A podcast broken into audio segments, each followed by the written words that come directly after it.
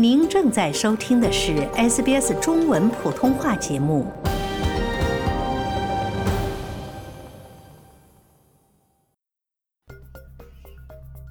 各位听众，大家好，我是 Lauren 陈龙。今天 SBS 新闻快报带您关注新州的房产税改革。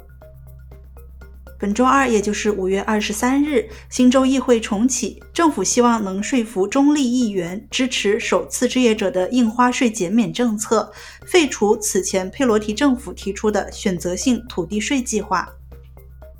根据前联盟党政府去年年底推出的现行政策，首次置业者可以选择为价值不超过一百五十万澳元的房产缴纳年度土地税。从而避免支付高达六点六万澳元的预付印花税，并可以将这笔钱用于支付购房首付。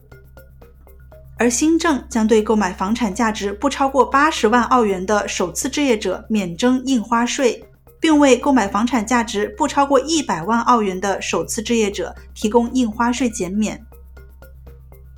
自推出以来，新州平均每个月有一千两百人参加前政府的选择性土地税计划，而这一计划将于七月一日关闭。但已经选择加入该计划的房主仍然可以继续缴纳年度土地税。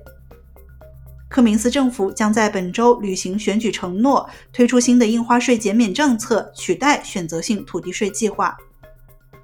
新州州长柯明斯说：“这是一个更公平、更简单的系统，可以确保更多的首次置业者有机会拥有他们的第一处房产。我理解尝试购买第一套房子的压力，我希望更多的单身人士、夫妻和家庭实现这个梦想。”根据新的印花税减免政策，免征印花税的房产价值从当前的六十五万澳元提升到了八十万澳元，并会为购买价值八十万澳元房产的置业者节省三点一万澳元的印花税。而与此同时，维州工党政府也在考虑允许民众缴纳土地税而非印花税。感谢收听本期 SBS 新闻快报。作为 SBS 新推出的新闻资讯播客，我们致力于让在澳华人及时了解国内外新闻以及社区资讯。在任何播客平台搜索 SBS 普通话，点击订阅，开启消息提醒，不错过任何突发新闻。